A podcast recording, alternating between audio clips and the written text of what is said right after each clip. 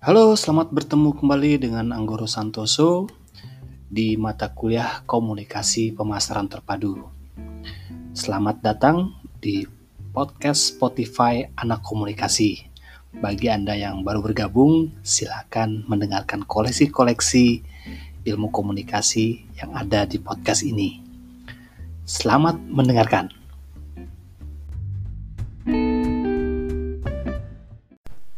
Selamat bertemu kembali dengan Anggoro Santoso. Mata kuliah hari ini, minggu ini adalah Integrated Marketing Communication atau komunikasi pemasaran terpadu. Yang mana minggu kemarin eh, teman-teman mahasiswa sudah diberikan tugas untuk membahas tentang IMC. Baiklah pada minggu ini saya akan bahas IMC mungkin dari garis besarnya karena minggu kemarin Anda sudah mempunyai uh, materi sendiri yang Anda ambil dari berbagai sumber. Nah, di IMC yang setelah saya simpulkan bahwa integrated marketing communication adalah bicara tentang strategi perusahaan. Ya, mengapa ini dikatakan sebagai bagian dari strategi perusahaan? Karena perusahaan untuk menginformasikan produk atau e, jasa dari perusahaan atau citra dari perusahaan itu perlu memerlukan yang namanya channel-channel komunikasi dari berbagai lini. Jadi merupakan komunikasi pemasaran pendekatannya di multidisiplin. Jadi menghubungkan berbagai teori dan konsep ilmu komunikasi dan ilmu pemasaran. Jadi tidak hanya pendekatan ilmu komunikasi, baik komunikasi massa, komunikasi antar pribadi, komunikasi kelompok, tapi juga pendekatannya pada ilmu pemasaran, yaitu bagaimana komunikasi itu dapat menarik perhatian, membuat orang tergugah, lalu orang bisa uh, apa? bisa merespon atau melakukan feedback dan lain-lain. Nah, inilah yang dinamakan integrated marketing communication bagian dari strategi perusahaan. Selanjutnya adalah komunikasi pemasaran. Ini artinya bahwa tadi adalah pertama strategi perusahaan, kemudian kedua adalah komunikasi pemasaran. Artinya ini sudah masuk ke ranah komunikasi pemasaran di mana sudah dipadukan antara komunikasi dan pemasaran yang meliputi penyebaran informasi, mengaruhi, persuasif, mengingatkan. Ini adalah tujuan-tujuan dari pemasaran. Tujuan utamanya adalah bagaimana memberikan efek kognitif, kemudian efek konatif dan perilaku. Nah, inilah tujuan dari komunikasi pemasaran. Setelah tadi yang awal bagian dari strategi perusahaan untuk mengintegrasikan saluran-saluran komunikasi. Nah, sekarang terpusat pada penyebarannya melalui komunikasi pemasaran. Nah, inilah komunikasi pemasaran yang bertujuan untuk apa? Agar dapat e, mengarah pada tujuan utamanya adalah memberikan efek kognitif. Kognitif itu adalah e, yang di otak kita ya, pemikiran kita. Lalu afektif itu yang ada di perasaan kita menjadi pengaruh ya. Konatif perilaku adalah tindakan. Ketika ketika kita sudah apa masuk ke bagian kognitif kita lalu ke perasaan kita akhirnya kita melakukan namanya tindakan konatif atau perilaku. Nah inilah kemudian menjadi bagian dari integrated integrated marketing communications. Nah yang berikutnya adalah elemen komunikasi pemasaran. Jadi bicara integrated marketing communication artinya kita bicara tentang strategi perusahaan, bicara tentang komunikasi pemasaran dan elemen komunikasi pemasaran itu sendiri. Apa aja sih? Mungkin Anda sudah apa? Sudah mengetahui dari apa? Eh, materi yang Anda apa dapatkan dari berbagai sumber menyebutkan bahwa elemen komunikasi pemasaran itu meliputi advertising, pemasaran langsung, promosi, penjualan, penjualan personal, pemasaran interaktif dan public relations. Nah, inilah adalah bagian fokus-fokus apa atau kesimpulan-kesimpulan dari uh, integrated marketing communication. Ada tiga ya, ada karena integrated communication integrated marketing communication ini adalah dari bagian dari strategi perusahaan, komunikasi pemasaran dan juga meliputi bagian dari elemen komunikasi pemasaran itu sendiri. Jadi semua ini ada tiga ya. Kalau kita bicara integrated marketing communication, artinya kita bicara tiga poin-poin ini: strategi perusahaan, komunikasi pemasaran, dan elemen komunikasi pemasaran. Berikut ciri-ciri komunikasi pemasaran terpadu. Ciri-cirinya apa sih? Komunikasi pemasaran terpadu itu ada beberapa ciri antara lain IMC itu mempunyai ciri adalah mempengaruhi perilaku. Ya, dia tujuannya atau goalsnya itu mempengaruhi perilaku. Jadi komunikasi pemasaran tidak sekedar hanya mempengaruhi mempengaruhi orang saja tapi harus ada harus bisa menggerakkan orang untuk bertindak yang tadi ya. Jadi urutannya itu sampai ke afektif gitu kan. Kognitif konatif dan afektif gitu kan. Nah itu harus sampai ke tidak hanya sekedar menggerakkan tapi harus juga bisa uh, orang berperilaku bertindak sesuai apa yang diinginkan dari uh, goalsnya marketing itu sendiri. Oke, berikutnya ciri-cirinya adalah berawal dari pelanggan. Nah, ini adalah ciri-ciri marketing modern atau nanti Anda bisa lihat bagaimana perubahan advertising secara modern dengan berkembangnya teknologi. Nah, ini kenapa berawal dari pelanggan? Karena strategi yang diterapkan melalui IMC ini harus berdasarkan atau berdasarkan sumbernya adalah karena pelanggan itu sendiri. Perilaku-perilaku pelanggan seperti apa sih gitu kan? Sehingga produk brand atau perusahaan itu menyesuaikan perilaku dari si pelanggan eh, kita atau konsumen jadi prosesnya diawali oleh pelanggan kemudian berbalik ke komunikator atau ke mereknya untuk menentukan metode dalam pengembangan program komunikasi persuasi. Ya, ketika misalnya orang sekarang contohnya ya, orang lebih seneng belanja online. Artinya apa? Bahwa brand atau e, produk kita mengarahnya pemasarannya menggunakan channel-channel e, yang berplatform internet ya yang berplatform online. Banyak ya model-modelnya ada e-commerce web ada media sosial dan lain-lain. Nah inilah bagaimana perusahaan atau brand menyesuaikan perilaku atau perubahan perilaku dari pelanggan yang terus berkembang. Oke? Itu ciri kedua. Ciri ketiga adalah menggunakan berbagai kontak artinya kontak di sini adalah sumber-sumber yang uh, memiliki database database dari konsumen.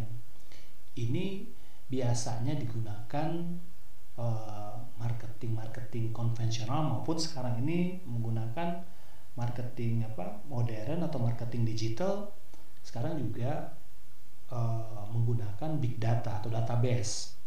Nah, seperti apa kontak uh, dalam bentuk komunikasi ini? Yaitu bagaimana misal menyampaikan pesan.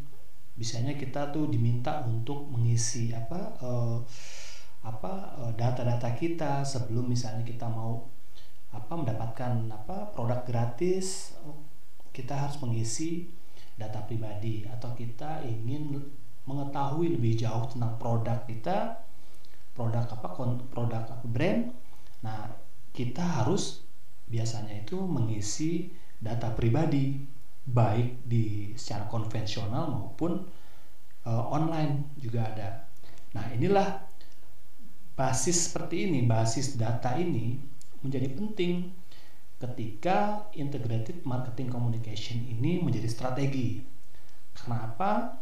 Karena dari basis database ini menjadikan kita uh, targetnya itu lebih terarah. Kita tahu siapa saja pelanggan kita, kita tahu siapa saja apa atau gaya hidup dari pelanggan kita. Nah, inilah keuntungan dari IMC dan sekarang pun perusahaan-perusahaan startup, perusahaan-perusahaan berbasis uh, media sosial atau internet itu mengacu pada namanya big data. Data-data dari konsumen, data-data dari apa pelanggan yang masuk yang apa terisi dalam form, terisi dalam apa uh, email, kontak dan lain-lain itu menjadi database untuk penyebaran informasi, penyebaran apa program pemasaran dan lain sebagainya. Lalu ciri berikutnya adalah menciptakan sinergi. Nah, sudah terlihat ya bahwa integrated itu integrated adalah terpadu. Jadi terintegrasi semua seluruh elemen komunikasi baik iklan, promosi, penjualan, warm apa uh, word of mouth marketing maupun apa uh, strategi-strategi yang lain itu harus bersini bersinergi dengan apa misalnya uh, satu pesan dari perusahaan atau pesan dari brand itu sendiri harus jadi satu tidak bisa ada beberapa pesan sehingga nanti membingungkan konsumen. Nah, inilah uh, keunggulan dari integrated marketing communication. Artinya dia satu pesan disampaikan lewat berbagai media, baik iklan, tempat pembelian, biasanya itu seragam. Apa namanya? pesan uh, iklannya, pesan uh, apa namanya? pesan informasinya itu seragam atau satu uh, pesan. Nah, kemudian berikutnya adalah kolaborasi atau menjalin hubungan atau kemitraan. Ya, jadi IMC itu uh, apa? terkait dengan bagaimana dia menciptakan hubungan dengan konsumen.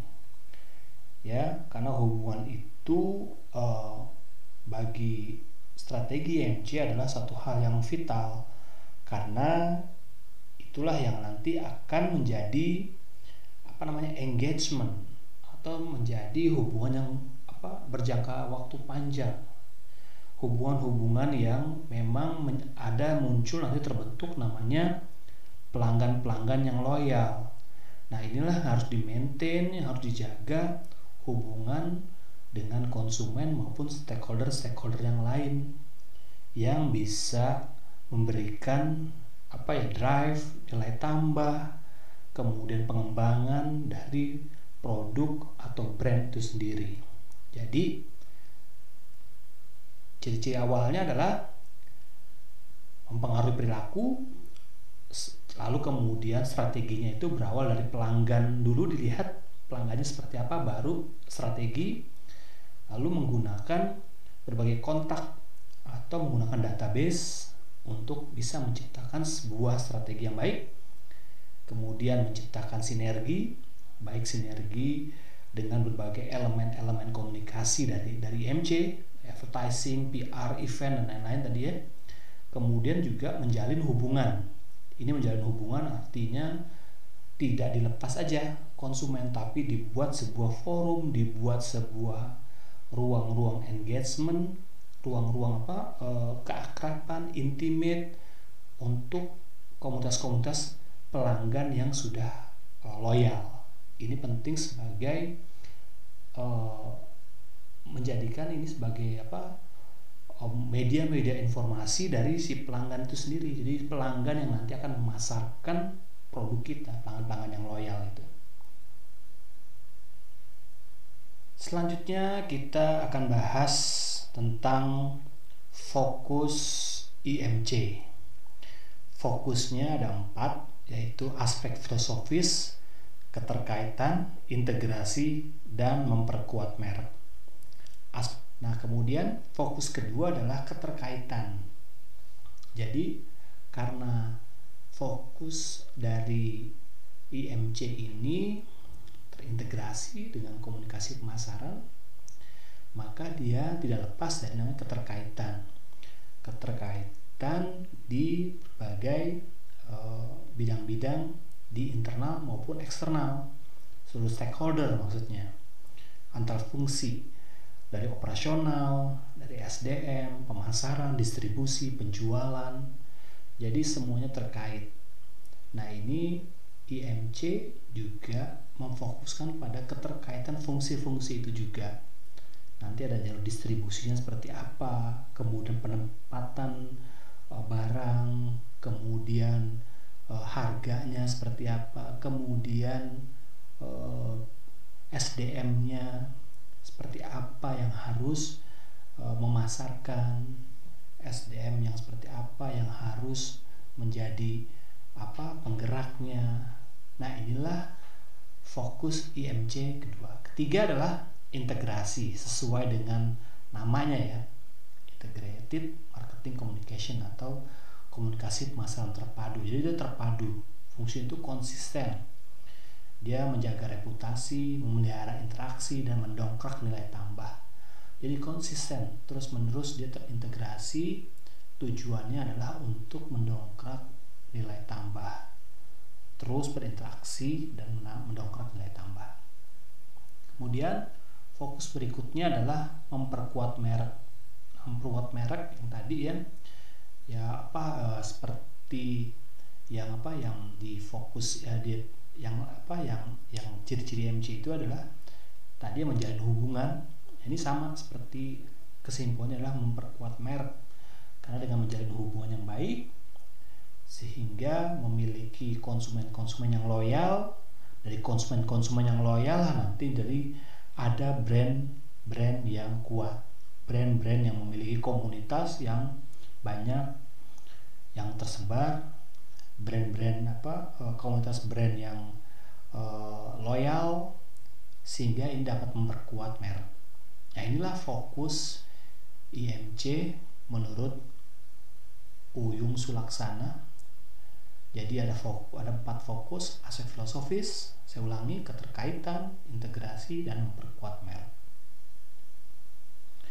Aspek filosofis, aspek filosofis mulai biasanya mulai dari visi yang dijabarkan menjadi misi hingga dirumuskan menjadi sasaran korporat. Artinya, strategi yang dilakukan oleh MC biasanya mengikuti yang namanya visi dan misi perusahaan. Awalnya seperti itu, mengacu pada visi dan misi perusahaan. Misalnya, visi dari perusahaan apa uh, jasa misalnya yaitu visinya memberikan pelayanan yang optimal kepada seluruh pelanggan. Itu visinya. Misinya seperti apa? Dengan memberikan uh, pelayanan purna jual, memberikan potongan-potongan diskon, memberikan misalnya uh, fasilitas-fasilitas yang memadai untuk konsumen. Nah, dari aspek filosofis visi dan misi ini dijabarkan atau dirumuskan menjadi sebuah sasaran korporat.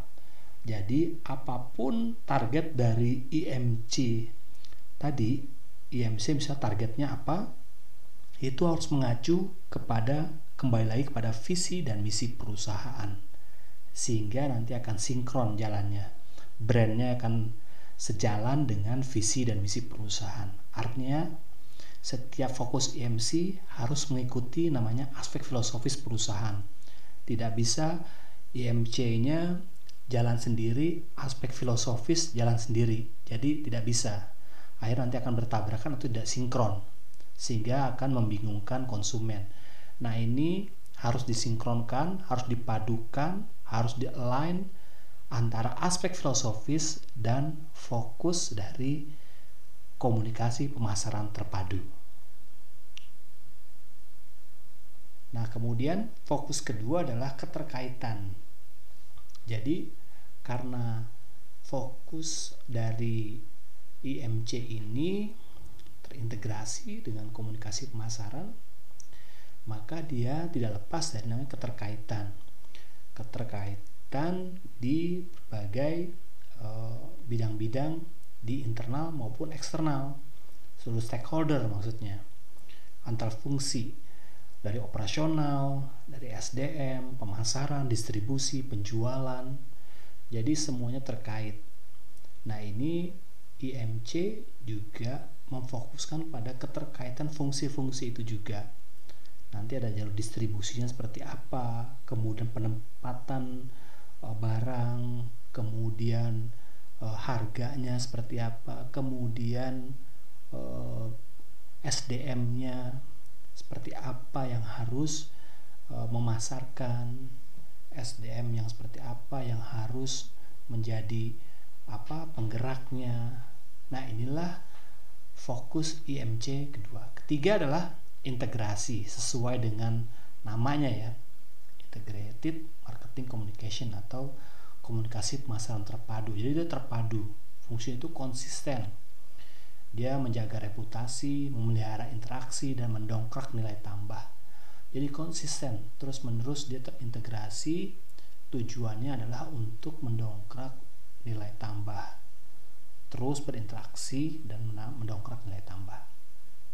Kemudian fokus berikutnya adalah memperkuat merek dari konsumen-konsumen yang loyal lah nanti dari ada brand-brand yang kuat, brand-brand yang memiliki komunitas yang banyak yang tersebar, brand-brand apa eh, komunitas brand yang uh, loyal sehingga ini dapat memperkuat merek. Nah inilah fokus IMC menurut Uyung Sulaksana. Jadi ada fokus, ada empat fokus aspek filosofis, saya ulangi keterkaitan, integrasi dan memperkuat merek. Hadirnya komunikasi pemasaran terpadu memunculkan strategi pemasaran baru. Muncul strategi pemasaran baru yang tujuannya adalah atau trennya ini untuk mempengaruhi pelaksanaan advertising. Jadi advertising ini akan menjadi dinamis setelah hadirnya uh, komunikasi pemasaran terpadu, channel-channelnya makin beragam, kemudian nanti ada juga pengembangan-pengembangan diakibatkan dari maraknya teknologi. Nah ini ada delapan strategi pemasaran baru yang nanti penjelasannya akan saya sampaikan pada pertemuan di podcast ini berikutnya minggu depan. Oke, jadi strategi pemasaran baru saya sebutkan saja ada delapan adalah relationship marketing, permission marketing, experience marketing, guerrilla marketing, digital marketing. Nah, ini yang menarik digital marketing ada viral marketing, viral, viral marketing, ada mobile marketing dan social networking marketing. Nah, dari 5 hingga 8 ini adalah produk-produk strategi pemasaran baru yang kini sedang menjadi tren. Menjadi tren yang e, berkembang saat ini yang di mana hampir semua brand hampir semua brand atau semua perilaku-perilaku komunikasi pemasaran itu mengarah pada digital marketing, viral marketing, mobile marketing, dan social networking marketing. Bagaimana kelanjutan atau pengembangannya seperti apa strateginya? Nanti kita ikuti, kita sambung pada pertemuan di kuliah online minggu depan. Terima kasih.